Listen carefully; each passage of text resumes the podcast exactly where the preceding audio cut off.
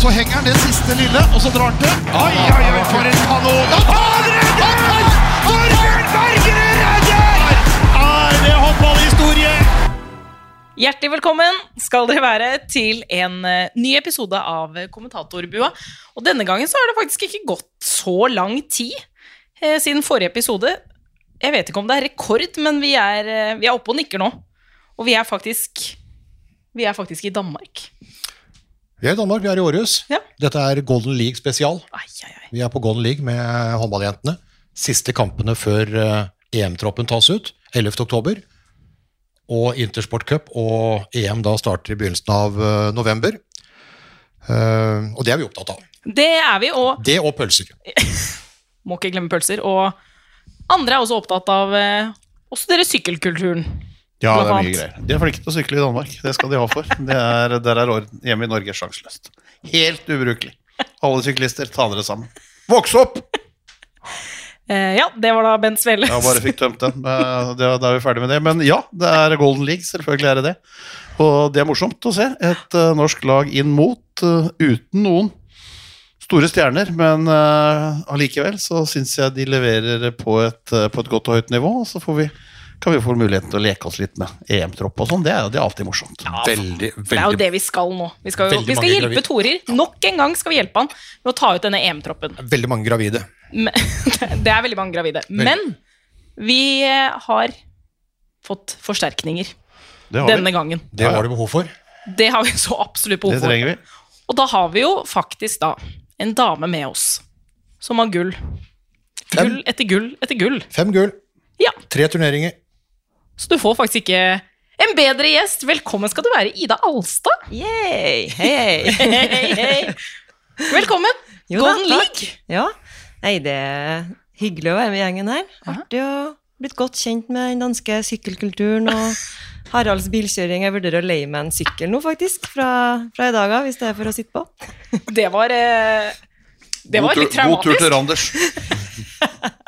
Vi kjører, vi kjører bil omtrent som Norge kontrer. Eh, offensivt. Rett på mål. Uh, tar, ingen, tar ingen hensyn. Selv om det står Har vi litt- egne løp og kjøreveier også? Ja, altså far, Farver, farver og lyskryss. Retningsgivende. Passer på syklister, for syklister i Danmark er jo like hellige som kuene er i India. Så en må være litt obs på, på bakspeil, sidespeil og litt sånn uh, forskjellig. Men det er klart, når du får ferten av to rista med det hele på en uh, Circle K eller eh, noe annet, så er trafikkreglene oppheva. Da er det bare raskeste vei til kassa. Sånn er det bare. Der følger vi på en måte gullresepten til håndballjentene. Men det ble mye for deg, da, Ida. Og meg, egentlig. Ja, ja, ja, det var Vi ble godt kjent i baksetet der. Det var, det var en fin tur. Komme inn i gjengen. Men hvordan er det for deg nå å, å være liksom rundt håndballjentene igjen? Møtte Torer igjen? Plutselig er du Du er jo på innsiden, men samtidig ikke. Du er i en ekspertrolle. Det er selvfølgelig, du står jo på den andre sida, og man kjenner jo på det, men samtidig så er det jeg er såpass glad i håndball og at jeg sitter uansett og ser på alt som håndball. Da kan man like godt være på, på rett ved siden av banen, så er man liksom nesten med, i hvert fall. Og så kan man være med og snakke uten å stå med nerver og stress og opp- og nedturer før og etter kamp. Så det her er egentlig en fin rolle. Alltid fornøyd etter kamp nå. Men det må jo være Altså, dette er jo siste samling før en EM-tropp tas ut. Hvordan er stemningen i laget, altså i gruppa, når du vet at ok, om en drøy uke, da kommer, da kommer den troppen? Det vil nok eh, For flertallet av dem som er nå, så tror ikke de tenker så mye på det uttaket. Men så er det selvfølgelig det er mer dem som ligger og vipper litt, altså, som er usikre. Blir de med, eller blir de ikke? Dem tror jeg går og tenker veldig mye mer på det her enn f.eks. en Nora Mørk. Ja. Så det blir, men kan det bli litt spisse albuer, eller er det Det er sånn de siste treningene når man skal liksom Og kampene som er før uttaket, så vil du jo selvfølgelig vise deg fram. Og selv om det her er et lagspill og de skal spille seg godt sammen, så er det jo enkelte som står og konkurrerer om samme plasser på Oslo-sona, og da blir det noen tøffe tak på trening, og det er jo et av verdens beste og tøffeste forsvarslag, så jeg tror det er litt juling som, eh, som gis på de treningene her. Det er det nok. Ja, jeg møtte jo, eh, møtte jo disse jentene til trening på onsdagen. Og Da snakka jeg med et par av disse litt ferskingene. Hadde fått ordentlig juling på trening. litt slitne. Maren Årdal. Rett ned. Ja, det er der vi er. Altså, det er altså, jeg har jo brukt den metaforen før, altså, eh, altså i vikingtida. Altså, det var noen som eh, var hjemme og passa unger øh, og hekla brynjer, og så var det noen som var med gutta i krig. Altså det der Skjoldmøyen og en del av det andre. Det var noen, noen Allerede for over 1000 år siden så var det jo på en måte noen som utmerka seg, og som, og som uh, satt i baugen på båten og, og var, var, var, først, var først i land. Og på laget òg så har vi jo noen sånne. Maren Årdal eksempel, er jo ikke bare en, eh, en trønder som det skal mer til enn ei kule for å, for å stoppe. Altså Det er noen av de ordentlige tøffingene. altså. Jeg tenker på beste, Det beste sitatet fra, fra VM i fjor var jo hun som gikk ut og sa at eh, det er fint når de skrik. og skrik på trøndersk, Ida, det er jo å grine. Så når du får motstanderen til å grine, da har du gjort, uh, gjort du jobben din. Der er Maren Årdal, altså. Og det er jo fantastisk herlig. Ja, Maren hun er, altså Maren kaller en spade for en spade, og hun går foran og gir juling. og og jeg tror ikke hun syns synd på dem som får vondt, verken på trening på laget eller om det er motstandere. Hun, hun går foran og gir juling. Det er sånn Maren er, og sånn har det vært eh, siden hun kom opp i Byåsen som 16-åring. Har hun fått deg til å skrike? Nei, men vi har nok eh, diskutert og krangla noen gang. Det, det har vi nok. Men eh, man merka i Byåsen når Maren ikke var der mer, for hun er en spiller som tar plass. Altså, for hun er med og sier fra. og mest på godt. Altså, hun er med og setter lista at det skal være tøffhet i laget, og at vi skal tørre å ha den tøffheten på trening. Det, du kan ikke komme i kamp, og så skal du møte et annet nivå enn, enn du har på trening. Så hun har alltid gått foran i forhold til at det skal være ei tøff linje når vi er på trening, og det må alle sammen tåle. Og det, den tror jeg Maren tar med seg inn i landslaget her, og sånn som vi hører Anne Høgeseth har fått juling på trening her nå, så tror jeg Maren mener at det her er hverdagslig. Det er sånn nivået skal være. Ja, og Anne Cecilie Høgseth, linjespilleren til Storhamar, hun hadde også vært i den båten, altså. Ja, ja, ja. Eh, For å si det sånn, hun, hun hadde også vært, vært i den båten, så når den ene båten hjuler opp den andre på vei til, på vei til liksom kamp, så er det jo Nei, det er liksom eh, Battle of the Titans. Men, men, men Maren er jo også et eh, litt et sånn bilde på det som en trenger nå, da. Fordi det er jo hele tida en viss utskifting. Altså nå har jo Katrine Lunde har jo stått der som en påle i evighet. 90-91-generasjon har jo stått der. Men det kreves jo noen endringer, og nå kanskje mer enn noen gang. Kari Bratseth Dale, bauta, begge veier, linja, er gravid. Eh, Sanna Solberg Isaksen, venstrekant av format og viktig forsvarsspiller, er gravid. Camilla Herrem, 17, 17 mesterskap på rad siden debuten i EM i 08 er eh, gravid. Altså det er ekstremt eh, Altså det er langt over 500 landskamper. Det er eh, ekstreme ferdigheter, og dette her skal jo byttes ut. Og Maren Årdal kom jo inn som en komet og tok den rollen i VM. Og vi trenger jo nå noen nye. Fordi altså, Det er en del rutinerte som skal dra lasset, men vi trenger noen nye som kommer inn og tar den rollen. da. Og Jeg føler innimellom, som jeg diskuterte før, at når en del spillere da, som har stått på utsida Maren Årdal har jo også vært en som har reist rundt som supporter og tilskuer sammen med fattern og, og familien og sett på de håndballjentene, så plutselig er hun en av dem. Det er et eller annet når du drar på deg den trøya og ser på det flagget, så ser du gull. Så ser du at her må jeg bare steppe opp. Altså Dette er på en måte noe helt spesielt. Det virker nesten som om folk vokser litt når de, når de får på seg den drakta. Altså, det, det virker nesten sånn, Ida. Jo, men jeg tror Maren har jobba hardt og lenge for det. Og det har vært liksom fra hun egentlig var en venstreback og ble omskolert til en strekspiller og har dyrka den styrken da, for å egentlig være en god forsvarsspiller og en stor strekspiller. Altså, hun er kanskje ikke den der typiske som vender like eksplosivt som eh, Ane Høgseth eller Heidi Løken der, men hun har liksom den styrken. Og jeg tror i landslag så vet man jo at uh, trenerteamet der de verdsetter det med at du skal være en god forsvarsspiller, og da står du kanskje gjerne foran en god angrepsspiller i forhold til uttak og spilletid. Så jeg tror nok at Maren har gode sjanser for å være med i landslaget her i mange år framover og kan bli den der nye forsvarssjefen som vi nå eh, kikker litt etter, spesielt nå til EM-et her. Men nå er det jo litt spennende å se. Maren tok jo den rollen ekstremt bra sist eh, mesterskap. Men nå ligger det jo an til at hun også skal være med og spille mer framover. Og det er det er dobbelt så mye energi, om ikke enda mer, å stå på linja og få juling i angrep, og så skal du hjem, og så skal du ut og gi juling, enn hvis du springer og bytter på benken. Det husker jeg jo sjøl. Du springer på benken, du rekker å få litt drikke, du får litt tips, du får slappe av, og så har du klart å komme ut igjen 15 sekunder etterpå og gi juling. Altså Du får alltid den lille pausen. Det tror ikke jeg Maren kommer til å få så mye av i mesterskapet her, så jeg håper at hun har nok krefter til at hun skal klare å være like tøff i begge endene, selv om det ikke blir det byttet. Ja, men det, det, tror jeg også hun kan. Altså, hun er ett år eldre, har fått ett år mer erfaring. Spiller Champions League med for, for annen sesong og spiller masse kamper. Og har jo den rollen i, i klubblaget sitt at du både står bak og spiller framme. Så, så, så, så, jeg, tror jo det er eh, at hun, at hun greier det, liksom. Og litt, litt, tilbake til det du begynte litt med, Harald. Altså, av en eller annen grunn. Altså, de har vært i verdenstoppen siden 1986. Og det, er, og, og, og det gjør noe med dem når de kommer inn. Vi har sagt mange ganger ja, nå kan det bli vanskelig nå er den borte og den borte og den borte. Så kommer de bare inn og tar det. Vi har sett det, vi har sett det ved flere anledninger, kanskje aller mest i 2014, når, eh, når Vicky og Nora og når, eh, når Stine plutselig skulle ta over og alle andre var borte. Og så bare feide de all motstand til side, og så bare løp de over alt og alle. Vi var jo spente inn mot det mesterskapet. Så det er, en, altså det er ekstremt med kompetanse. De kan ekstremt mye om akkurat det å være i form forberede seg, altså bruke energi på det som du trenger å bruke energi på, ikke noe annet. Eh, så, så, så på en måte det, det, de besitter av erfaring og kompetanse rundt det å være i form til et mesterskap, det er, eh, det er, det er imponerende. Jeg er jo fortsatt litt redd når den 90-91-generasjonen som har dratt det lenge nå, eh, når de da blir gravide etter OL i, i Paris og forsvinner. Hvor mange er det der da? Men vi ser jo litt påfyll nå.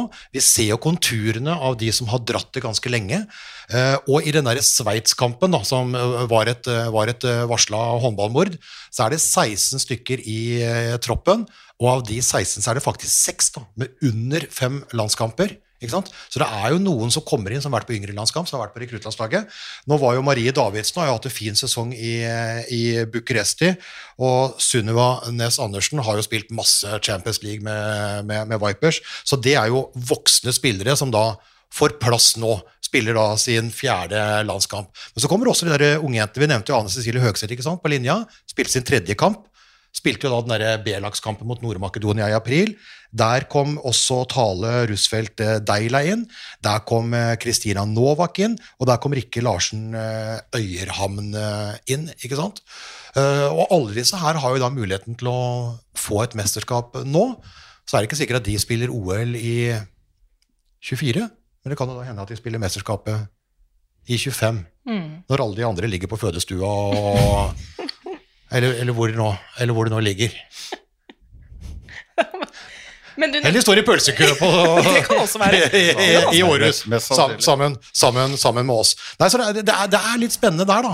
Mm. Uh, så vi har sagt liksom, Hvor er det neste generasjon? Uh, gror det godt nok til at dette her uh, blir bra? Både nå til EM på kort sikt og liksom da på lang sikt.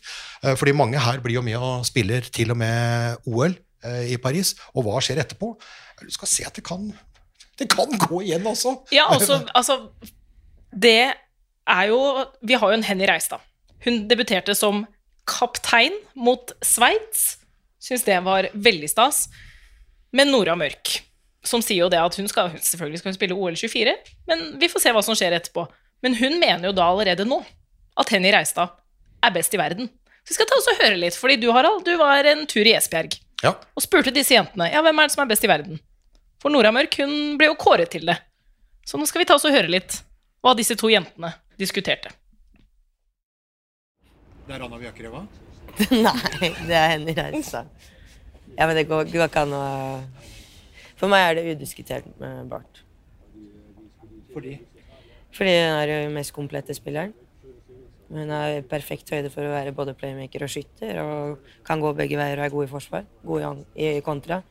Så det er ikke noe Hun har alle forutsetninger som skal til, og hun er den som er best. Og så har hun hode også. Hun er en kald fisk. Ja. Så Nora har noen kvaliteter som er best i verden. Eh, og det, når, når, de vises, så er det heller ikke noe tvil. Det er jo mange ting som jeg tror at jeg ikke kommer til å bli like god som Nora på i det hele tatt. Eh, og så det Som å liksom, skyte med venstre. for eksempel. Det, Ja, så sånn- god blir du sånn- aldri. Sånn pasningsspill og avblikk. Eh, det er no, liksom, Nora er i verdensklasse. Liksom. Vi er i hvert fall heldige som får lov til å spille på lag. Ved at det er eh, mange Men jeg hadde, jeg hadde jo dødd eh, for å eh, ja, være 1,81 og se ut som en antilope. Da hadde jeg jo ja, Men da hadde jeg aldri kasta fra meg ballen. Da. Men, men ja, det, det er ikke noe tvil. Men det jeg liker best er at du er, du er liksom ikke ung og dum. Det syns jeg. Og det er det som er Ja, men det er, det- det er jo sant. Det er faktisk veldig smart. Og det Da kommer du langt. For jeg er jo bare liten og smart. bare. ja, det er gode ord fra en som uh, har, Har vært rundt, har da, vært, uh, eh, levd et liv, da. Hadde dødd for å være 1,81 og sett ut som en antilope. Ja, Det er så Det Det er klart, når det er, når det er 1,67, uh, høyrebekk, uh, og egentlig da har prestert naturstridig i, i, den, i den posisjonen, så skjønner jeg jo at Nora Mørk da kunne godt tenkt seg å, å, å hatt, uh, hatt uh, Reistad sin, eh, sin fysikk. Men nå skal det jo sies at Nora Mørk har klart seg ganske bra. Hun har jo det. Eh, men eh, men det, er- det, er- ganske morsomt, da, fordi de har jo begge to reist fra Champions League-gull i Vipers eh, til Esbjerg. De har jo gjort det for å få en, eh, en, en bedre liga, en ny utfordring. De har gjort det uh, også for å, for å spille sammen. Nora Mørk bruker jo litt av årsaken til å komme ned, altså spille sammen med mange landslagsspillere med tanke på OL. Og hun er jo Det er ganske kult da for henne Reistad, 23 år gammel, når da hun som er kåra til verdens beste, både av IOF og av, i, i sånne mentometerknapper ute på internett, uh, at hun faktisk peker på Henny som den, eh, som det beste i verden. Og når jeg da kommer med Anna Viakereva, så bare ler de det, ler de det uh, bort. Men de trives veldig godt sammen, uh, og det er jo strålende. Og så hører jo selvfølgelig med at begge to har en kjæreste uh, som spiller håndball på, på Jylland. Det er vel kanskje liksom en av de viktigere eh, årsakene. Men den totalpakka, da. eh, at du trives på banen, du trives eh, sammen som spillere, og har det bra utenfor eh, banen. Eh, og når jeg liksom satt og prata med, de- med de to der, altså det er to fantastiske håndballspillere og håndballhoder, altså. Og når de da klikker eh, så til de grader, så blir jo trivselsnivået eh, veldig, veldig bra. Og når da ligger en eh, når det da ligger en kjæreste eh, her, her og der i tillegg, så er jo pakka, er jo pakka bra. Jo, men jeg tenker, altså Henny er jo født i 99. Hun er ung. Hun er jo fremtiden. Og så blir hun pekt ut i verdens beste. Det er jo Det lover jo godt. Ja, det er jo ingen tvil om at eh, hun vil være Det har vi jo sagt før han kom med på landslaget, at hun kommer til å være Altså hun kommer til å dominere den, det norske kvinnelandslaget i, i mange, mange mange år. Og kommer til å dominere verdenshåndballen i mange mange år. Kan antakeligvis en kontrakt som går ut med Esbjørn nå, kan velge å vrake akkurat hvor hun vil reise, eller om hun vil bli. Så, så det, det, det er ingen tvil om at vi har en verdensstjerne som kommer til å være helt der oppe i mange år. Bank i bordet så lenge hun får holde seg skadefri.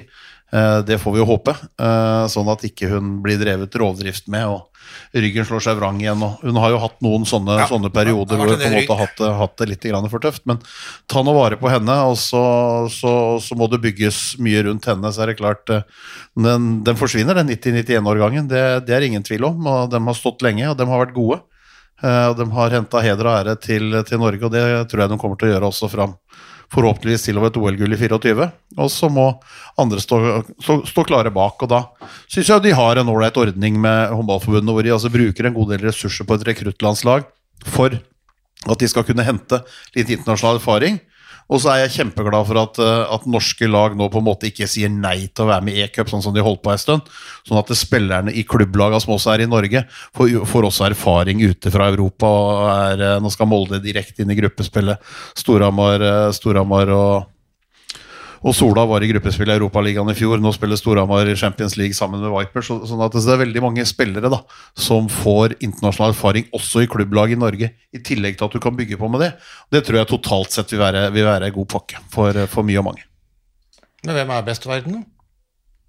Henny. Nei, men det er som Nora sier, hun er, hun er komplett. Hvis vi sammenligner med de andre spillerne som er i landslaget nå, så de har noen få spisskvaliteter. Altså om det er fintene, innspill, skuddene, gjennombruddene, litt sånn som Vicky og Stine og Nora vi snakker mye om, eller en Braister og en Heg som er litt høyere og har de skuddene. Mens Henny har liksom alt. Det er fra hun står i forsvar, gjør jobben der. Hun er helt rå i ankomst-kontrafasen og stuper der. Altså hun har fintene, innspill, oppspill, skudd fra bakken, skudd fra lufta. Altså hun har det hele. Så det, hvor god hun kan bli, det, det er spennende å se. For Nora er jo kåra til det, men, men, hun er jo ikke noen god forsvarsspiller. Vet, det, hun har jo ofte konkurrert litt med, Cristina Niago, ikke sant? altså rumenske venstrebekken. Og Niago har jo blåst av altså bare blåst av Nora i de diskusjonene der. For hun mener at Nora kan ikke komme opp fordi hun står ikke i forsvar. Hun er ikke en komplett spiller, så da kan du ikke bli verdens beste når du bare kan eh, spille på den ene, ene banehalvdel. Men i den praten her da, så, brukte, så hadde Nora et sånn eh, innspill, altså ikke til eget forsvar osv., men hun sa liksom at skal du være der oppe uh, og konkurrere om den tittelen, så bør du også være en spiller som har evnen til å kunne avgjøre viktige kamper nesten alene. Altså Du har et lag rundt deg, men nesten alene. Og det har jo Nora gjort. Altså Vi har jo en EM-finale i 16, vel, hvor hun avgjør den nesten alene. Du har en Katrine Lunde som kan gjøre det, du har en Stine Bredal Oftedal som har floppa noen ganger, men som har vist seg der oppe. En Henny som kan gjøre det, sånn som Henny f.eks. snudde den eh, VM-finalen nå sist mot Frankrike, på slutten av den første omgangen og starten av den andre omgangen. Det er jo mye Henny som gjør at, eh, at, at, at, det bikker. Og det er jo også viktig. Og det har jo de personene som vi prater om nå. De kan rett og slett komme inn og endre et kampbilde og nesten avgjøre et lagspill eh, aleine. Og så har vi da prata om den russeren som Vipers har henta inn. Kanskje er Anna Vjakreva. Jeg, det var liksom, jeg måtte bare provosere dem litt. Grann, ikke sant? Når de sitter og peker på hverandre, og jeg bare spiller inn Anna Vjakreva, eh, og, så og så er det Nora som bare ler. Nei, nei, nei, det er Henny. Ikke sant? Uh, og det, det, er jo en artig, det er jo en artig diskusjon, for Anna Bjakreva er jo en komplett uh, spiller og en helt fantastisk uh, håndball, håndballhode. Uh, men så spørs da slå... det, er jo, det, er jo, det, er jo, øyet som ser, og hva du, hva du, på en måte, hvor du er, og hvordan du på en måte er inne, inne i Som du sier, altså kan, kan, avgjøre de store tingene, kan avgjøre de store finalene. Det er, det er en egenskap som du må ha. Uh, Jeshabkova i Vipers kom jo fra more or less nothing og var uh, altså most valuable player, final four nå sist. Har skutt ut som en kanin. Uh, denne sesongen her også lager masse mål i, masse mål i Champions League. Så, så, så, kanin det, det, i kanon, eller? I kanon. Skutt ja. ut av en kanin. Ja. Har, du ikke, har, du ikke, hørt om jo, det? Da, jo, det er sånn, men, ja, Uttrykket 'skutt ut av en kanon', så sier, så sier for mora 'skutt ut av en kanin'. Ja, ja, ja, ja. Sånn skutt ut av en kanin. Ja. Det er, er, ikke mye som er bedre enn det. Men alt i alt så er det jo på en måte et Vi sitter jo og snakker om en eh, Stine Bredal Oftedal, Nora Mørk, Henny Reistad, en Katrine Lunde. Altså, to av dem har jo vært verdens beste spiller. Katrine Lunde er jo definitivt verdens beste keeper, om hun ikke har fått tittelen. Og så en Henny Reistad, som mange omtaler nå som altså, Vi har fire spillere, da, pluss en Camilla Herrem, som år etter år har vært årets uh, verdens beste venstrekant i mange år. Ja, og Kari Bratseth Dale, som ble kåra til uh, mest verdifulle spiller nå i, i, mesterskapet, altså som går begge veier. Og det, og det, det har jo altså Toril og Marit Breivik før han som alltid da satt laget øverst. Det er jo laget, det laget, men Når vi har på en måte begynt å pirke på det individuelle, så har de jo alltid liksom bare dratt fram laget. Eh, selvfølgelig er det jo et viktig fokus, men, men, alle de har jo erkjent du vinner ikke gull uten at det laget har to-tre spillere helt i verdenstoppen. Og her har vi jo faktisk en, en håndfull. Og det er jo det som eh, gjør Vi har de beste målvaktene. Eh, og vi har noen eh, verdensenere ute på, ute på banen. og det, det må det til. Altså, du, kan, du, kan, du, kan, komme med så mye lag du bare gidder, men hvis du ikke har noen enere i det laget, så kan du bare drite i det. Mm. Ja, og Det er jo derfor vi på en måte er litt sånn spente inn mot uh, for å se ferdig Golden League, men også uttak, og ikke minst inn mot mesterskap, hvor da det er to kanter som har, uh, som har spilt samtlige mesterskap. Det er nesten ingen andre som har fått lov til å røre seg innpå der. Uh, I Herrem og og Sanna Solberg. Isaksen. Og Isaksen. Sorry, Det er en årsak til at du er gravid. Eh, det- ja, ja. Det er vel folk som på en måte har blitt gått, vi har gått gift. Ja, Nå skjer jo det- utenfor ekteskapet. Ja, det var egentlig det jeg prøvde å si, at du sånn trenger ikke å ta- Du måtte ikke gifte seg, nei, videre, men Trenger ikke å ta etternavn til mann liksom, for å bli gravid. Det er ikke, sånn, det er, ikke, et av, er kriteriene, det, liksom. jeg vet hvordan det Du tar graviditetstest, så skal liksom huka Ja, jeg har tatt etternavnet til mannen. Ja da, men jeg tenkte bare at det skulle være formelt korrekt. Ja, ja, men formelt riktig. Nei, men det er klart, de har Hun er skutt ut av en kanon. Eh, Bokstavelig talt. Men eh, fantastisk eh, eh, i flere roller. Solberg Isaksen kan stå stor i forsvar. kan spille foran i 5-1, og så har, har mange ting. Så det er klart, det er, det er viktige spillere som er borte der. Skal tåle trøkket når de kommer der. En uh, Bratseth som uh, har uh, så vært den beste siste årene. Altså både defensivt og offensivt. Og en enorm, en enorm spiller. Så det, er, så det er vi litt spente på inn mot det mesterskapet. Nå må de liksom litt, litt ferskere, da. Ta litt, ta litt mer ansvar. Vi snakka om Maren Årdal i stad. Vilde Bortensen Ingstad har jo fått da spiller jo sammen med halve det laget som skal være med her. Nedover med, med Nora Mørk, med Henny Reistad i Esbjerg, og, og, og vi, nok, vi nok på en måte profitterer på det. Men, men det skal gjøres i mesterskap. Det skal leveres når det står semifinale. Det skal leveres når det forhåpentligvis står finale. Men jeg tenker at nå skal vi ta ut denne troppen. Skal vi hjelpe? Vi skal hjelpe Torer. Som vi alltid gjør. Så får vi, høre, vi får se da om han hører på oss. Men vi skal altså ta ut 16 stykker i denne EM-troppen. Ja, vi skal ikke høre mer om de andre. Hva da? De der eh, folka rundt der. Jo, men det, de, de kommer. Og det kommer, ja. Det kommer, ja. ja. Mm. Ja, ja. Vi skal jobbe oss gjennom her. Ja, ja, ja. Og siden vi nå er inne på altså Sanna og Camilla, så vi starter på venstrekanten.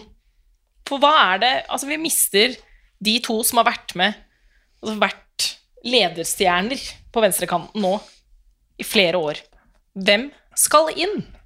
Ja, og det som er litt uh, ekstra ille der, er for det er jo to av verdens beste venstrekanter som, eh, som, som fyker ut, uh, samtidig Uh, De burde ha ringt hverandre, på en måte. Altså, kunne samkjørt på- på- litt ja, de burde ha samkjørt. Eh, jeg blir gravid da, og så blir du ikke sant, De kunne på en måte ha Ja, for det er jo enkelt å gjøre. ja, ikke, ikke begge to samtidig, liksom. Men, så det var jo litt, men det er jo ikke alltid, det er jo ikke alltid like lett å time uh, det greiene der. Så det, det, er jo, det er jo så. Herre ble gravid uten etter Stegavik. Tenk på det. Ja, det er mulig, faktisk. Ja. Ja, kanskje blir heta herre... Ja, nok om det. Ja, det- men, men, men, det men, det som, det, men det som også er litt, eh, litt, eh, litt trist, da, er jo at eh, Kristin Venn, eh, venstrekant til Storhamar, fikk jo et par landskamper for lenge siden. Så takka jo litt nei en periode. Utdannelse, sykepleier og, og den biten der. Blitt henta inn på rekrutt nå, og med de ute, sånn som hun har spilt nå, så ville hun vært der. Og så ble hun også skada på verst tenkelig tidspunkt. Så på en måte den reserven til de to forsvant jo også ut. Nå kunne det godt tenkes at Sunniva Næss Andersen har vært der. Hun har jo internasjonal erfaring med, med Vipers og presterer bra der. Men, men, men Venn hadde vært der. Og da må det gå litt ned. Eh, Rikke Larsen Øyerhamn eh, har jo vært på rekruttlandslaget. Eks Tertnes, nå Molde. Eh, fikk jo da også de der aprilkampene mot, mot Nord-Makedonia. Men det er klart det ser annerledes ut på den venstrekanten der. Det blir spennende å se. Det er jo altså, spesielt da Camilla Herrem som står der mest, og er i mange år vært verdens beste venstreving. Men så er det liksom en Sunniva Nes Andersen, hun, hun er jo tross alt uh, vunnet Champions League to ganger. Så vi snakker, hun har jo stått og spilt så å si 60 minutter for Vipers òg, i alle de kampene der. Men likevel så blir det noe annet, selv om hun er en ekstremt god og teknisk kantspiller. Altså, hun har ikke uh, den erfaringa med å spille mesterskap, hvor det kommer kamper annenhver dag. Du skal tåle presset. Eh, Du skal liksom sånn stå i det og være like god når du kommer til de viktigste kampene òg på slutten. Der er vi spent. Og så er det litt Camilla Herrem hun står ikke bare på vingen og venter på å få oppspill. Hun klarer liksom å snappe til seg enkelte baller i forsvar eh, og lage enkelte mål sjøl på egen hånd. Og så er det jo selvfølgelig òg en, en bit utafor. Altså den rollen eh, spesielt kanskje Camilla, men òg Sanna, de tar utafor kamp. Altså når du er på hotellet, du er på mesterskap og er borte i en måned, der er det en viktig person som jeg vet tar mye plass i rommet. Altså sånn, Hun er borte, noen må være med å fylle opp i tomrommet, og den rollen hun har òg i kapteinsrollen sin i forhold til vi skal beholde kulturen i veggene i laget, og at det skal gå videre, selv om det kommer inn en god kantspiller fra Vipers. Ja, Det største problemet er jo ikke at hvis de tar gull, eh, at vi ikke har en til å synge Tore Tang. Ja, for hvem tar Altså, den rollen? Ja, men, nei, men, nei, men, nei, men det er jo mulig å klare seg uten. Men alt det andre der eh, det, det, det er klart det er, det er mange landskaper og mye erfaring, altså. Så det tror jeg litt om taktikk fra motstanderlag. Det kommer da inn noen veldig ferske. Eh, jeg er ganske sikker på at eh, de fleste trenere de skal møte Norge, har brukt tid på Camilla Herrem. Både punkt én, også hvor langt ut skal vi stå, hvor, også hvor skal vi slippe av fra, eller skal vi ikke slippe av i det hele tatt. Eh, nå kan de kanskje stå litt smalere, ikke fordi Sunniva Næss Andersen er noe dårlig kan, men de kan utfordre en mesterskapsdebutant. Og, som, og de tar sannsynligvis med seg to der ute. Rikke Larsen Øyram er jo da debutant i et mesterskap, kun spilt noen få landskamper. Og de to andre som er i bruttotroppen, som kan bli tatt ut, er Vollik fra Romerike Ravens, er en debutant, ikke spilt landskamper. Og Susanne Lieber Amundsen som, fra Storhamar, som er født i 2002, som var med å bli verdensmester med 02-landslaget. Men altså helt uten erfaring i mesterskap, hun også. Så, så, altså, så det, er noen, det er noen sånne spennende spe, Det er spenning der, men, men, de, de, som er i Golden League, kommer som De som er her, blir med. ikke sant? Altså, det er, når, når du ser det på bruttotroppen, for det sa vi jo, du må plukke, du må plukke fra, fra bruttotroppen. Sånn er det, bruttotroppen er på 35. Tore Hergarsson kan reise med 20 spillere, bruke 16 i kamp. Så du kan da ha fire reserver som du kan gjøre seks bytter med. To innledende pulje, to i hovedrunden og to før finalespillet. Seks bytter totalt. Uh, av de 20 du reiser med, da, melde inn 16 til kamp hver dag. Men det må være fra de 35 i bruttotroppen. Så, så det er jo de, de nevnte som, som du har. Ja, De fire som slåss om den plassen, ja. ja. Og, da, og da, er det, da er det jo de to som, som er her, med Sunniva Næss Andersen og Rikke Larsen Øyram som, som er der. Men du sier at det, det er ikke så viktig hvem som tar Tore Tang. Men jeg tror det for enkelte folk. Ja, men- ja for, det, nei, for, men- for media så er det nei, jo men, nei, Ja, for den er, den er klink video. ja, men der er Norge splitta, ikke sant? Ja, ja, ja. Eh, Det er jo noen som mener at det har blitt alt, alt, alt for mye Tore Tang, og som er sjeleglad for at Camilla Herrem er gravid, og, og ikke skal, ikke skal synge, synge den eh, Stavanger-klassikeren. Eh, Og så er det jo andre som mener da at det er en like stor tradisjon, og like viktig som at håndballjentene spiller mesterskap på, på, på høsten, vinteren der. Hva er forholdet ditt til Tore Tang, forresten, Ida? Altså, nå skal det jo sies at som regel når vi da hører Tore Tang, så er vi jo alltid i god stemning. Sånn at eh, det har gått fint. Det er, liksom, det er en tradisjon som resten av mesterskapene har vært med. Alt det man gjør på hotellet og før og etter kamp og sanger som spilles i bussen. Og så er det Hvis man tar et gull, da skal Camilla synge Tore Tang. Så det er liksom en del av den feireprosessen. Så det har egentlig bare vært god stemning. Hvis du kunne valgt en eh, annen sang, hva ville du tatt da? Tina Turner, 'Simply the Best', den er jeg best på i forhold til Singstar når jeg var litt yngre. Ikke sant? Ja, nå er du litt eldre, da er det mulig å få høre litt nå fra Tina Turner. You're simply the best. Du, du, du. Ja, vi dropper resten. Ja, akkurat. Men, eh, ilden, ild lyser. Se ilden lyser, ja, men det- Se ilden lyser. Altså eh, Sissel Kirkebø fra, fra OL på, på Lillehammer osv. Men det er bussen. Ja, det er i bussen Ja. etter seier. Ja. Der synges den. Ja, da, er det, da trenger du egentlig ørepropper. Det er så falskt, men det er så fint. Ja. Det er nydelig stemning. Også. Det kan være litt sånn eh, Hva er det, Kaptein Sabeltann eller Sortebil eller noe sånt. Vi kommer alltid tilbake hvis vi taper. Så Ja. at uh, sang det er egentlig en stor del av landslaget. Altså, vi feirer, eller vi, vi skal kjempe oss tilbake igjen og komme oss opp. Så det, sang hjelper mye. Men hvem var det, hvem var det som dro fram uh, Sissel Kyrkjebø, og når kom den igjen? Det vet jeg faktisk ikke. Det tror jeg var der egentlig helt siden jeg kom inn i 2009. Så det tror jeg har vært der, ligget i veggene der i mange år. Jeg har sikkert vært der siden OL, da. 94. 94. Men, ja, ja, men, men eh, hvis man vinner, så synger man for å feire, og hvis man taper, så synger man for å, for å komme tilbake. Da skal vi komme tilbake. Ja. Og det har vi vært gode på. Er det noen som har den derre litt fine sangstemmen? Nei. Nei, Nei. Det er bare Ingen. dårlig. Kanskje det kommer inn noen nye nå som er plukka ut, for de har litt bedre sangstemme. Det bør, det bør være med i vurderinga på uttaket her. Få Audition. opp, få opp nivået der. Ok, men da har vi venstrekanten. De to skal med. Ja, for spørsmålet nå er jo, vi tar oss seg fordi at nå er, det jo, nå er det jo faktisk 19 spillere med Stine Brea Lofteral, som egentlig har vært innom, og som ikke er med på kampene. Så er det jo 19 spillere her. Man kan jo faktisk ta ut de 19 pluss én til. Men hvis vi konsentrerer oss da om, 16. om, om de 16, og så plusser på litt, så, så, så er det de to, ja. Ja. Da flytter vi oss videre. Venstre bekk. ja. Der er det mange. Der er det mange. Mange Der er gode. det luksusproblem. Ja. Og, det- og det er faktisk veldig mange gode som ikke er her. Eh, altså Ingvild Bakkerud, Ikast, er jo reserve her. Eh, eh, Ragnhild Valle Dahl, bra for Vipers i Champions League, er jo faktisk på rekruttlandslaget. Eh, de som er her da, er jo da Henny Reistad, eh, Emil Heg Arntzen, Veronica Christiansen, altså gjengangerne der. Kristine Breistøl, som har vært inne en periode nå. Og så er det da en av de unge. Eh, Tale Rusfeldt Deila er jo den som får prøve seg her nå. Så der er det jo fem stykker.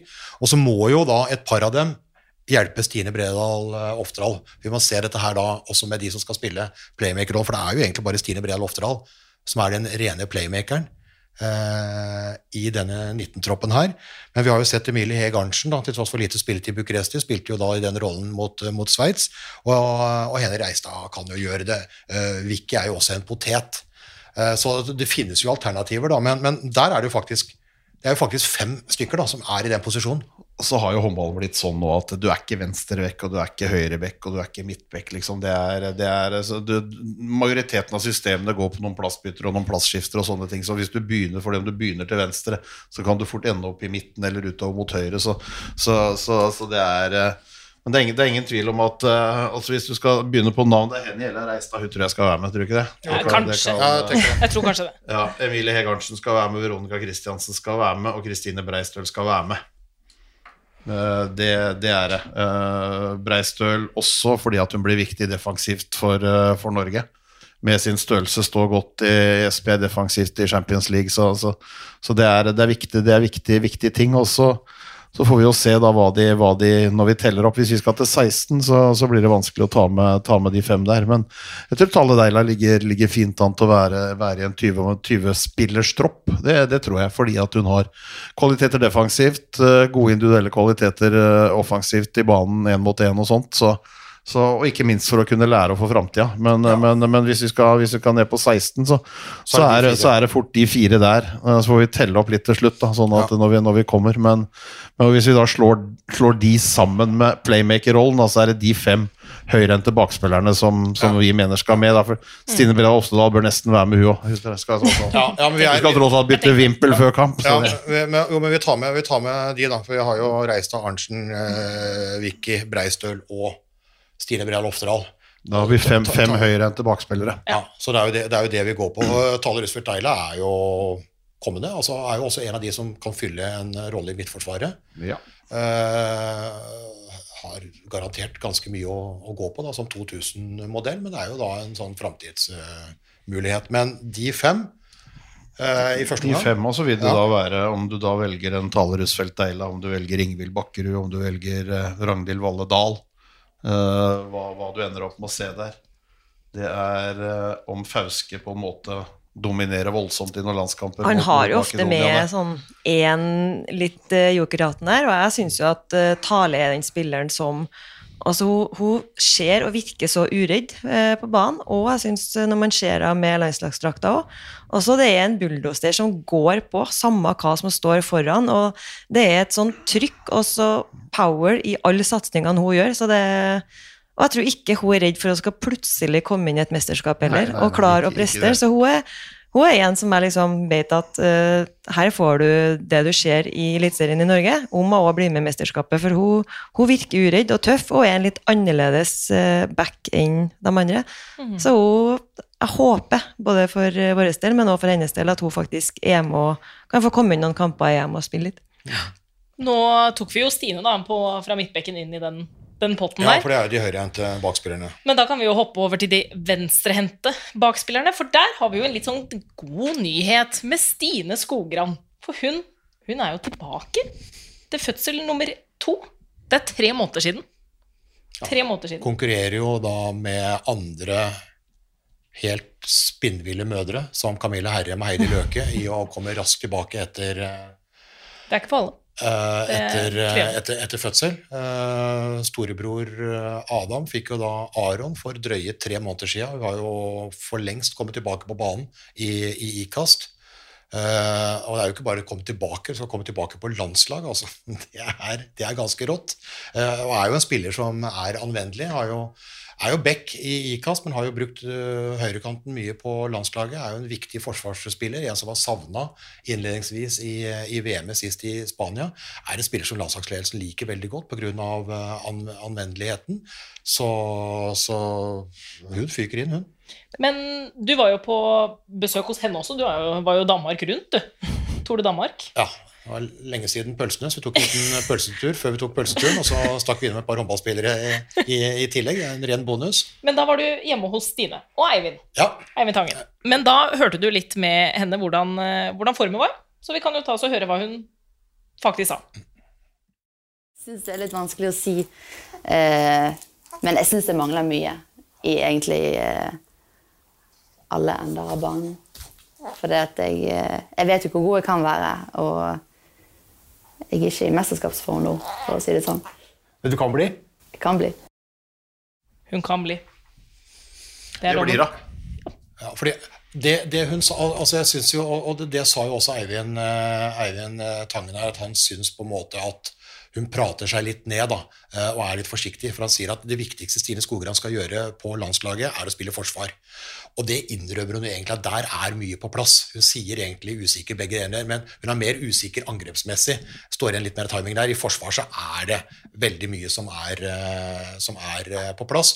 Og så sier hun da at etter, etter den første så brukte hun ett år på å være sånn 100% tilbake. Og nå, det, nå, går det liksom sånn eh, til EM så går det sånn drøye fire måneder. Så det er klart det er en sånn ekstrem eh, operasjon. Men om hun da ikke er 100% så kan da eh, det Stine Skogran kan bidra med, allikevel være nok. altså. Men hun blir, altså Stine Skogran blir med, og hun blir ekstremt viktig. Altså, hun har stått der i en rolle i skyggen av Nora og gjort litt eh, drittjobben bakover, og egentlig aldri fått den æren og hederen hun fortjener. Altså, hun, jeg syns hun er så god forsvarsspiller. Hun er heller ikke blant de største, men hun er en smart forsvarsspiller. Og hun lager så mange frikast og brudd og er litt sånn aggressiv framover og liker å ha de taklingene.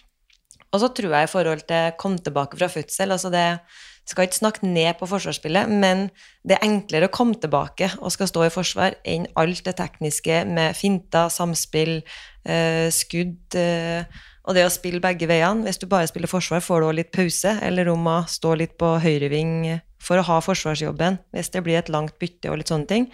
Så jeg tror at uh, med den jobben hun allerede har gjort, som vi ser så langt, og med noen uker til, så er jeg ikke i tvil om at hun uh, tror ingen kommer til å tenke over at hun ikke er i form når vi kommer til EM. Den forsvarsrollen der, den, den har hun kontroll på. Og det så vi allerede litt mot Sveits, at uh, en Novak som slet litt der Skogran kom inn, og det stengte, og det var nesten ikke mål uh, etter det. Så det er ikke alltid det vises like godt, den jobben hun gjør. Men uh, hun fortjener den skryta som forsvarsspiller, for den er rå. Vi har jo, vi, altså, vi har jo sett det når hun var der, men det blir ekstremt synlig når du ikke er der.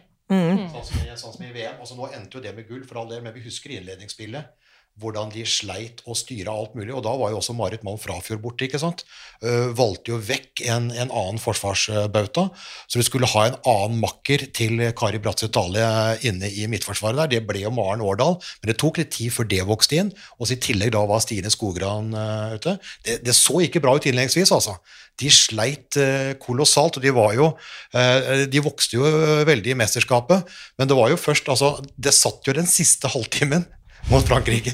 Det holdt i gull, men fy fader ulland, det var på håret, altså. Og mye av de greiene der starta jo da med de forsvarsendringene. Og, og, og da ble jo Stine Skogran meldte jo forfall rett før mesterskapet. og Det er klart det ga jo landslagsledelsen et, eh, et, et problem og en, og en, og en utfordring å, stokke om.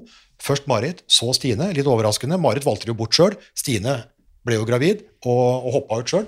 Så, så, Men hun er jo der. Hun er jo der. Så da bare krysser vi av.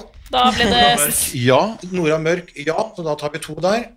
Så, vi, eh, så er det klart Novak ligger der. Det er jo en Maja Jacobsen som har levert godt for Storhamar i Champions League denne sesongen. Så langt, i hvert fall. eh, Som står som reserve til den turneringa her. Og så er Amanda Kurtovic, som spiller godt i Larvik, eh, tilbake i bruttotroppen. Eh, En liten overraskelse kanskje på det. Ikke fordi at hun ikke fortjener å være der, men, eh, men eh, hun har liksom vært litt sånn ikke vært så veldig opptatt av å snakke når vi spurte henne om ambisjoner rundt landslaget, så ville hun ikke si noe sånn om det. Jeg skal spille for Larvik, men nå er hun der, så Så, så det er klart at hva han, hva han til syvende og sist velger å gjøre, om han da velger For begge de to, både Maja Jacobsen og Wanda Kutovic, er jo 90-91-generasjonen. Om du da velger 00-generasjonen med Novak, hvis du skal ha med, ha med en tredje, tredje bakspiller der, eller eh, om du sånn sett da kan ta med enda en venstre bakspiller. Vi vet Veronica Christiansen har spilt mye høyere bak i Gjør, så det er, det er hvordan han stabler det. Men vi begynner med de to. Ja, begynner med de to, for nå skal vi ned til 16. Og så skal vi Ja. plusse på Ja. med fire, faktisk. Vi skal være Så det er et luksusproblem. Ja. Fyk videre. Vi fyker videre. Høyrekant. Det er jo nå i Golden League så har vi jo Malin Aune og Marit Røsberg Jacobsen som er med. Ja, og de blir med. Begge to. Eh, ja, det er jeg ganske trygg på at de gjør. Eh, Du Emilie Hovden inne. Mm. Litt som sånn reserverolle i VM sist. Bra for Storhamar. Har jo bøtta i mål. Er jo liksom nummer to på toppskårerlista i, I Danmark. i, i Danmark. Altså i sin første sesong i et litt sånn svekka Wiborg-lag. Så det er jo absolutt eh, kvaliteter her. Men eh, det er en årsak til at Aune og Røsberg Jacobsen er her. Det er ofte sånn at det er, lettere, det er lettere å bli hvis du er inne, enn å komme inn hvis du er på utsida. I hvert Det, fall i en Emilie Ovnen er jo en enormt god håndballspiller. Ja, ja. Problemet er bare at hun har to stykker som er hakket hvasser. De har mer erfaring. Og de spiller på lag hvor det er mange flere landslagsspillere som er med i troppen. Altså det er, både på og utafor banen så er det De blir på en måte valgt foran Emilie Hovden fordi at de både er bedre og har bedre samspill med resten av eh, jentene. Og sammenligna med da inngangen til VM, så var Malin Aune en god del skada. Mm. Og var mye usikkerhet eh, rundt det. Røsberg Jacobsen var jo også ute i, eh, i noen sånne perioder forrige sesong, så hun var jo egentlig en backup der. Nå er jo Malin Aune skadefri. Det er hun som løper opp og ned på høyrekanten mest i, i Bucuresti. Røsberg Jacobsen eh, full rulle i, i Esbjerg, og har jo da liksom eh, samspillet med da de andre Esbjerg-spillerne, som jo er en eh, god håndfull. Så de to er jo inne. Videre. Absolutt. Vi skal til målvakt. Skal vi det? Mm. Nei, eller vil vi ta linje først? Vi tar det du Nei, vi tar linje først. Vi tar linje Ja først. vel. Vi tar linje først. Nei. Eh, Linje. Ifølge Torir Hergarsson så heter det linje. Hvis du sier strek. til Torir, da Strek, strek det er noe du tegner på arket. Ja, men tenk om Torir hører på, da. Vi skal jo ha han inne på det det ja, ja, men det er, det er strek. Etter straffe. Corner. og- Etter EM-uttaket skal Straffe, corner og strek er liksom greia. Da kommer Torir med et to Ja. minutters foredrag på forskjell. Forskjellen på hva en strek og hva en linje er. Dette Dette er er en linje, og dette er en strek. Ja. Ja. Så, så Da er det linjeposisjon, da. Da, Eller strek. Og der har vi jo, vi har jo allerede sagt, eller snakka om Kari Bratseth Dale, som er ute. Skal få babys. ja, så der er jo det, Vi har jo pratet mye om Maren Årdal, også, så hun er jo inne. Ja. Eh, og så vil jo Vilde Mortensen Vilde Ingstad. Ingstad. var, vil, eh, begge, de to, det. begge de to var inne sist, og er der nå. Ja. Det er, det er ingen tvil om. Og så vil det jo da på en måte på valget da om man skal ha med den tredje linjespilleren for kanskje å gi Årdal noen pauser fordi hun skal spille. Altså jeg, jeg ser jo litt for meg at det blir en litt deling. Årdal kommer til å spille mer forsvar enn angrep, og, og Ingstad kanskje motsatt. Eh, Så om du da skal ha med en tredje linjespiller som til å kunne, til å kunne være der og se, det er jo ja. Og da har vi jo da Ane Cecilie Høgseth, Storhamar-spilleren. Yngste i troppen. 21 år gammel. Ja. Og hun eh, møtte jeg på Hamar før Golden League. Og vi kan jo ta oss og høre litt hva denne jenta hadde å si da. Det er sykt gøy å få muligheten til å spille og trene med disse jentene, for de er jo helt sykt rå. Det er liksom de jeg følger med på. Det er de jeg ser opp til, og det viktigste da, for min del er jo å kjenne på det nivået.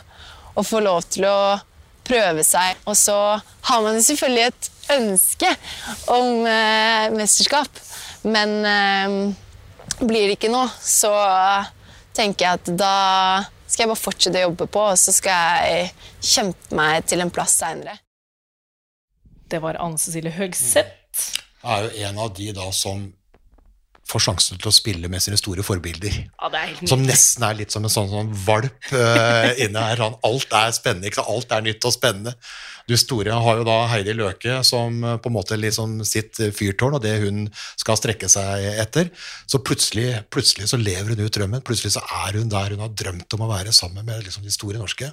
Det er jo så fantastisk Ja, fint. jeg. Jeg kjenner jo nesten at jeg håper hun blir med, for Ja. at hun ønsker det så mye sjøl. Men altså. Hun er jo Altså, det er sånn det er en sånn liten muskelklump, hele dama. Hun er så sterk, og hun er så eksplosiv i vendingene. Og det er akkurat litt som vi sammenligner ofte med Heidi Løke. Altså det er en, Jeg vet ikke hvor mye klister som er i eller om det er sugekopper, men det er samme mottaket, og det er samme vendingene. Og i tillegg så er hun kanskje hakket hvassere bakover enn Heidi Løke. Om alt framover er like godt som når Heidi var på sitt beste, det vil vel komme.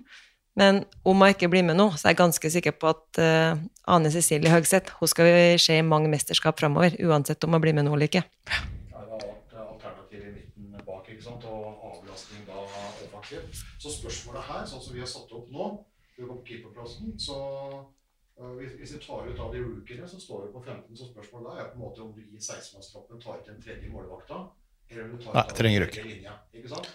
Trenger ikke tre målvakter i en 16-mannstropp. Du trenger tre i en 20-mannstropp, men du trenger ikke tre i en 16-mannstropp. Nei, da, da er det faktisk plass til, til, øh, til Skal vi Ja. ringe henne nå og si gratulerer, du har tatt ut i kommentatorbuas egen tropp? Ja, det er jo det som, det er det som i utgangspunktet da gir Torir Hergeirsson og Tonje Larsen muligheten til å kunne enten hente en liten overraskelse, hente inn noe annet fra før av som de på en måte kan sitte med. For jeg tror jo, Hvis, de linjespillerne er inne, og det er dem, eh, så, så har han en mulighet til å velge, den tredje linja. Han kan ta med en Tale Deila som, eh, som, som en, den sjette høyrehendte bakspilleren. Han kan ta med Kristina Novak som eh, den tredje keivhendte spilleren, hvis ikke han da velger noen av de som, som er litt eldre. Så det de, gir- gir litt grann slingringsmonn og litt muligheter, da. For jeg tror ikke at han eh, kommer til å ta, ta tre målvakter i en 16-mannstropp. Men da kan vi Det kommer ta- han ikke til å gjøre. Da kan vi ta de målvaktene, da, for det er Ja, nå Lunde, vil jeg ikke det er Lunde og Solberg. Det er Lunde- Nei, det, for det, det er Lunde og Solberg. Det er Lunde og Solberg. Altså, det er greit. Og da står vi da faktisk med foreløpig to venstrekant, to høyrekant, to linjer. Eh, Vi har fem høyrehendte bekker, to venstrehendte og to målvakter. Det er 15. Så spørs da i vår 16-mannstropp skal du ta med Tale Rusfeldt Eila. Skal du ta med Marie Davidsen, det har du sagt nei til i mål. Skal du ta med Kristina Novak, en Ane Cecilie Høgseth på linja, eller da en utenfor deg. Eller en Bakkerud, eller eh, Eller en. Bakkerud, eller en uh... Jeg syns absolutt uh, altså, Høgseth eller Rushfeldt Eila de er mine favoritter der. Uh, de er uredde, de er gode, de kan ta nivået der de er nå. Og en tredje keeper, altså Davidsen, vil være med nedover i den troppen.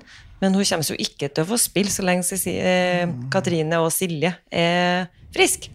Eh, du har to av verdens beste keepere som står foran deg. Hun, hun blir med i troppen, men ikke, ikke i 16-mannstroppen. hvem, hvem blir våre 16, da? Vi må gjøre et valg her. Må ta én. Vi må ta én. Eh, jeg tror han velger tre linjespillere. Det tror jeg òg. Det, det, det tror Da kan vi ringe. Da kan vi ringe. Skal jeg ta den telefonen nå, eller? Nei, men Det hadde vært hyggelig for, Det- for Anne Cecilie jeg Høgseth. men av- i det der, i det der valpesegmentet, da, altså du intervjua jo etter, etter den Sveits-kampen. Helt nydelig. sånn- nydelig. Ja, det er Helt så, altså, hun er jo altså øh, sjokkert. altså Det var sånn, det var morsomt. altså Alt var, alt var ikke sant? Spille mot Sveits og rundhjuler ikke sant? løper over dem. Alt er så gøy! ikke sant? Det er så Ja, herlig. det er, det er, det er nydelig. Ja, det er helt Det er nydelig. Men da, da har jo vi egentlig, da har jo vi egentlig de, de 16. Da ble det to målvakter og tre på linja. Da ringer du, Harald, til dem som er tatt ut, og så ringer Bent til dem som ikke er tatt ut. som vi som vi kastet ut. Det er sånn trenere gjør men, men, men det, det, det, det er jo, det er jo Jeg tror vi treffer på, på majoriteten, og så er det jo alltid sånn når du skal ta ut en tropp, at du bruker mest tid på de som kommer til å spille minst. Ja. Det, er, det er jo alltid sånn. Altså, det, er, det er jo en del som gir seg, som, som, hvor, hvor ting ramler på plass. Som man velger, Men jeg tror kanskje at han velger den, den, tredje, den tredje linjespilleren. Men eh, så kommer det litt an på formen til Stine Skogran, om man da trenger en, en ekstra keivhendt. Da kan Nova komme inn. Vil han på en måte skyve, skyve Vicky litt mer mot høyre angrepsmessig og kan, kan avlaste der borte for Nora Mørk, så kan han ta med Tale Deila. Så, så det er liksom sånn, men hvis vi, hvis, vi må jo gjøre et valg, da. Og da tror i hvert fall jeg og Ida at, eh, Dere er jo ekspertene her. eh, ja, ja, men det er jo det er jo mange som på en måte Det er mange eksperter. Ja, men, men, men det har jo Torir sagt sjøl òg. Altså, det er jo altså, altså stammen altså, en, en del av de uttakene så, altså, Mange her kan jo bare krysse av i løpet av fem minutter. Ja, ja. Så, ikke sant? Altså 14 stykker kan du egentlig bare dra av her uten problemer. 15. år kanskje. Så spørs det da litt på den, eh, på, den, på den 16., men nå er det som sagt mulig å reise med 20 Ja, og bytte. Så hvis, hvis dette da er Hvis dette Hvis da det er de 16. er, er de 16, Så Hva er da de fire Da tipper jeg de fire neste utenfor troppen er eh, Da er jo det Tale. Eh, det er Novak. Marie Davidsen. Marie Davidsen. Ja, da, det, er jo, det er jo troppen som er i Golden League, ikke sant? Det er er, eh, de det, 19 her. det, er, det er på 19. Nå har vi, nå har vi de, de 19 som er, som er her. Og så har vi da reserver i Maja Jacobsen, som du har nevnt. Nokker ikke ut til Novak. Vilde Ingeborg Johansen er jo linjereserve, var jo med i OL-troppen. Litt overraskende uh, der. Eh, men da har vi valgt de andre. Ingvild Bakkerud er jo inne, men det er ganske mange andre høyrehendte. Og så, og så er det jo sånn at eh, altså, om man da velger å reise med 18 eller 19, så er det jo ikke sånn at den 20-troppen er låst som du tar med deg ned. Du kan jo under hele mesterskapet plukke fra den 35-troppen som, eh, som ligger som en, eh, som en bruttotropp. Så tråkker en venstrekant over, så, så finner du en ny venstrekant, eller ødelegger en, en høyrekant seg, så, så henter du inn en høyrekant. Ja, Camilla Herrem har jo, har jo sjøl vært eh, i Ja. den rollen der. Fikk jo da den der eh, rekka på 17 mesterskap på rad da hun etter eh, den første fødselen da ble Thea Mørk, tatt inn. Thea Mørk ble skada. Ble skada, og da ble hun, ble hun henta ned. Ja. Så det er jo det er, kort vei ned til, ned til Lubliana. Eh, så det er nå så. Men, men det kan jo godt tenkes at de ikke velger 20, at det, at det blir 19. Eller, eller, 18, eller at, at han reiser med 16 og kan velge etterpå, det er helt umulig, helt umulig å vite. Men han har en mulighet, men, men vi tror sånn i utgangspunktet at de 19 som er her nå, er de som er nærmest en tropp. Eh, Så kan det godt være at han ønsker å teste noen av de, de, de yngre der. Og se, nå har vi sett imot Sveits, og så skal de da ut i noe, noe tøffere matching eh, i de neste kampene. Eh, Sånn at, og det vil på en måte være litt eksamen for, for noen av de òg. Men det er òg en uh, venstreving der som ikke har erfaring i noe spesielt uh, Europacup eller Champions League eller landslag.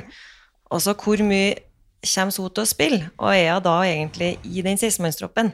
Der, eh, der er jeg faktisk litt i tvil om en tar med eh, heller en ekstra Roosevelt Deila, eller om det blir en makker til Sunniva Nes Andersen. Du skal i et mesterskap uten erfaring. Det er, Men eh, du skal i et mesterskap uten erfaring. Men eh, det er jo folk som har kommet inn og kommet sånn noenlunde unna det unna det før også. Så, så, så, og så er det, det er jo ingen Jeg syns jo ingen av de Altså verken Hvis du tenker på Henny, er ikke noe naturlig som du kan dytte ut på kanten Nei, men Henny er ikke naturlig på noe. Er Nei, nei, nei, men, altså, er hvis du velger å ta en venstrekant, så må du på en måte Hvis du har noen som du kunne skyve ut der, som Jo, av, de, av, av, de andre han baks, av, av de andre bakspillerne. Mm. Jeg tror han kan sette inn flere, og Ja.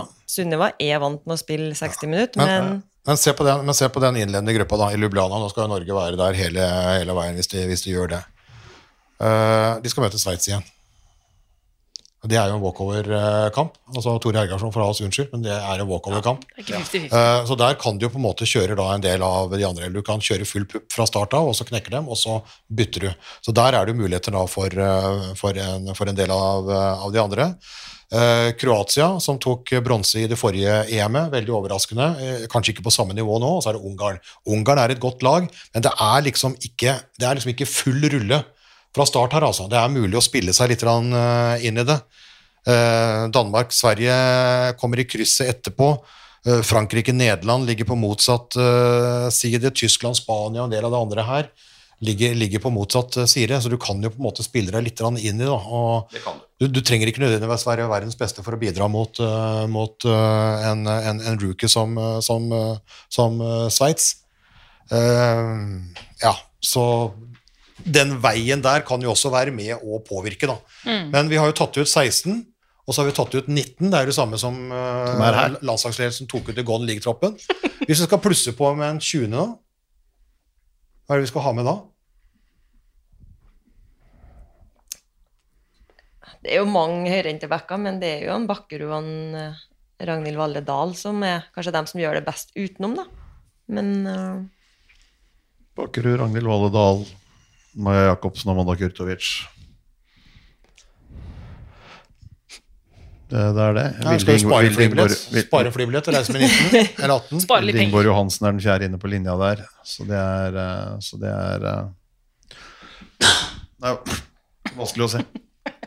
jeg tror ikke en Maja Jacobsen, som er en småbarnsmor, ikke hun blir med nedover i en 20-mannstropp. Eh, de, må, de må være i troppen på 16 hvis de skal, hvis de skal bli med. De, de reiser ikke ned. Som- For, det, for det, er ganske, det er ganske krevende å være den tribunesitteren. Altså, du får jo da en lang periode med så som så trening. Og det, altså, det er en vanskelig posisjon. Være der som reserve og sitte på ja, nå, Da har jeg heldigvis ikke Ja, fått trent på den. Men Nei, nå ser jeg på deg, altså, så plutselig ja, men dette her vet jo ikke du noe om. Men jeg har jo, sånn, jo snakka med noen som har vært i den rollen, og det, det er jo selvfølgelig utfordrende. De, de er jo ut av kamp og får være med litt på trening. Du har jo lyst til å være med, men du sitter jo der utafor. Du er jo ikke i laget, sjøl om det liksom er en del av troppen. Men du sitter på tribunen, du sitter ikke på benken eller står ikke på banen, så selvfølgelig er det tøft. Du får være med på havregrøten på morgenen, Så, men jeg, og kanskje på ilden lyse på, er lyse altså- på kvelden, kveld, og så er det liksom Det, men det er, jo, det er jo tøft mer enn akkurat bare å være der, fordi at det går ut over håndballformen ja. Altså, det er jo ingen tvil om. Det har du sett på spillere som har kommet tilbake etter å ha vært, i, vært reserver i en tropp og ligget i tre-fire uker eh, av gårde og nesten ikke spilt på to mål, nesten ikke fått skutt. Du får skyte litt grann på en, på en tredje målvakt en gang i ny og ne. Så det er veldig lite rein håndball. Altså, hvis du ligger hjemme og kan trene én til to ganger om dagen med klubblaget ditt, så vil du holde nivået på et helt annet enn, enn å sitte, sitte der nede og egentlig ikke få holde på noe særlig. Men uh, de gjør for det nå spiller jo vi inn dette her før, eh, etter, at, etter at vi har møtt Sveits, Mm. før vi har møtt Danmark og, og, og Nederland. Eh, og det er de kampene altså landslagsledelsen har, fordi før Intersport Cup så skal jo troppen uh, være tatt ut. Altså de er jo 11. oktober, det er jo ikke, det er jo ikke lenge til. Den prosessen der som spiller i da, uh, for det er jo ofte torer som tar en tunge telefon, de som ønsker å være med, men som ikke vil være med.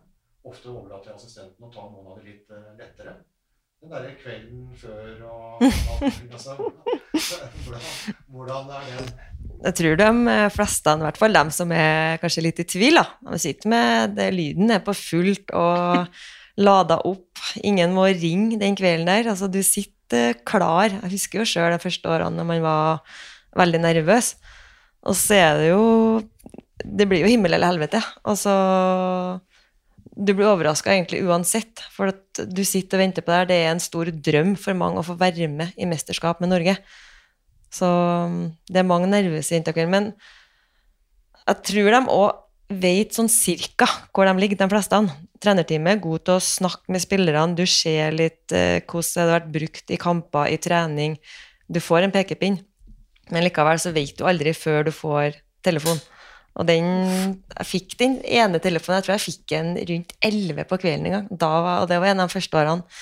Da var jeg skikkelig nervøs og tenkte jeg, nå får jeg ikke telefon engang. har I hvert fall ikke, men jeg ringer ikke engang. Blir oversett. Så Nei, men det, det er dessverre noen som må få nei. Men det skal sies i forhold til dem som må da får nei, men òg er med på tribunen.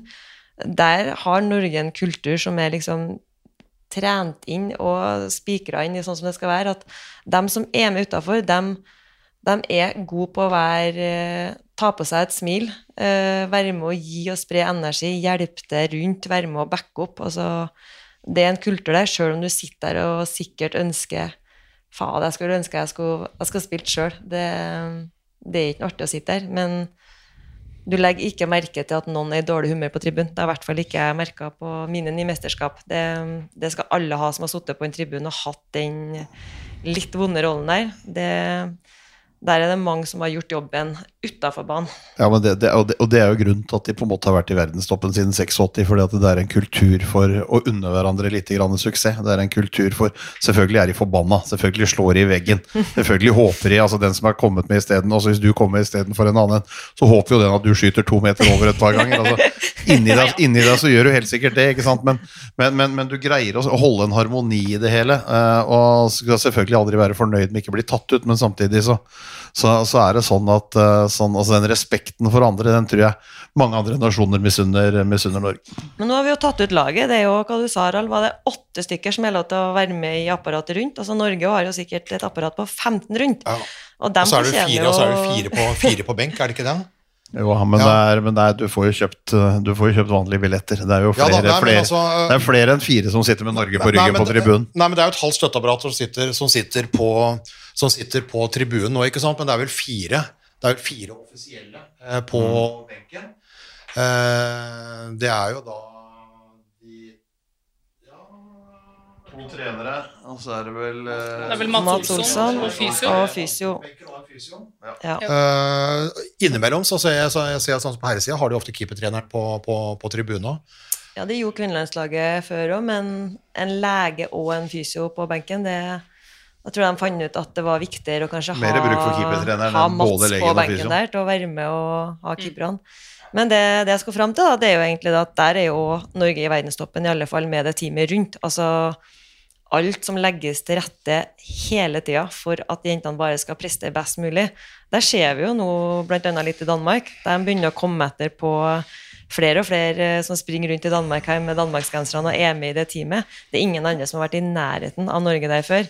Der er de eh, virkelig i toppen. Og, og i tillegg hadde, og en, har en trener som må ha vært kåra til verdens beste trener. og klarer på en måte å skal trekke ut det laget, om det ikke alltid er, er den spilleren bedre enn den, men det handler om den sammensetninga. Hvem er det som passer i forhold til forsvar, angrep, eh, den styrken har du skyttere, eller har vi nå fem fintespillere? Så du må ha hva er det vi trenger for at vi egentlig skal klare å ta gull i mesterskapet?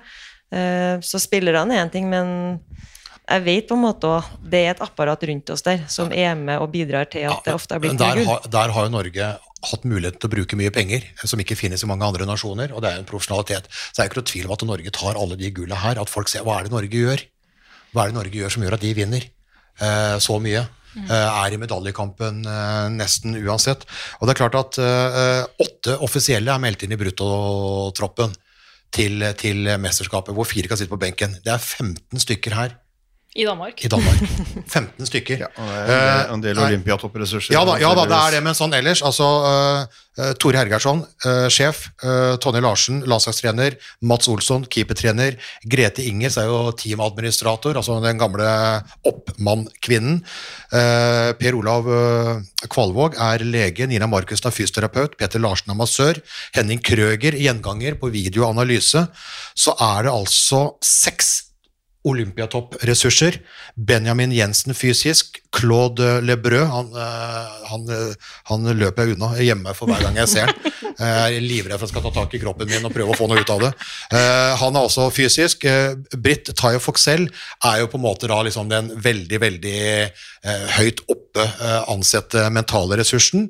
Eh, Ernæring, Morten Mørland. Eh, Ressurscoaching, Liv eh, Hemmestad.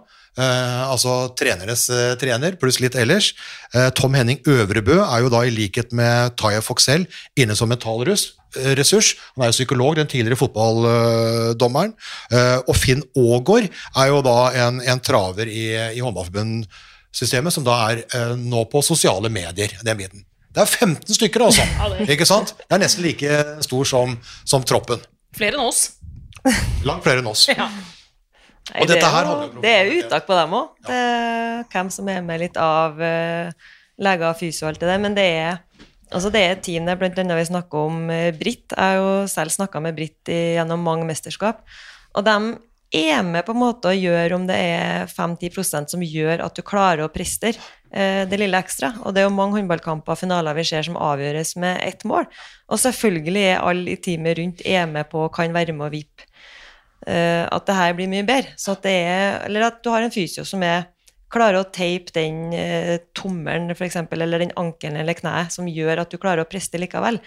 Jeg hadde sjøl en, det var en strekk i ryggen i EM i Danmark i 2010. Og jeg tror vi brukte sikkert to teipruller med fysio fysio Janne, som teipa opp den ryggen, som gjorde at jeg egentlig ikke kjente det. Jeg sto over et par kamper der og klarte å komme tilbake. Og da kjente jeg egentlig viktigheten av Takk, Janne, for at du klarte å teipe meg sammen til at jeg klarte å spille videre. Det, jo, det henger jo sammen, og skal du være best, så må, så må du ha de, ha de beste på alle posisjoner. Ja. Ikke bare på banen. Men det er mange som latterliggjør, da. Altså den støtte, det støtteapparatet i Norge er det mange som latterliggjør. Altså de ler litt av det. Altså De har jo en eh, tropp som er større enn troppen, ikke sant? uh, og som ler. Altså, jo, men det hører vi jo, om det er fra dansker eller alle. Og, og det er jo selvfølgelig et snev av misunnelse der òg, for det er mange andre nasjoner som ikke er i nærheten av å ha den økonomien uh, som, som tillater uh, det. Men det er klart, altså den altså vi kan skrive om et omtak, da. ordtak, da, ikke bare den med skutt utover en kanon og kanin.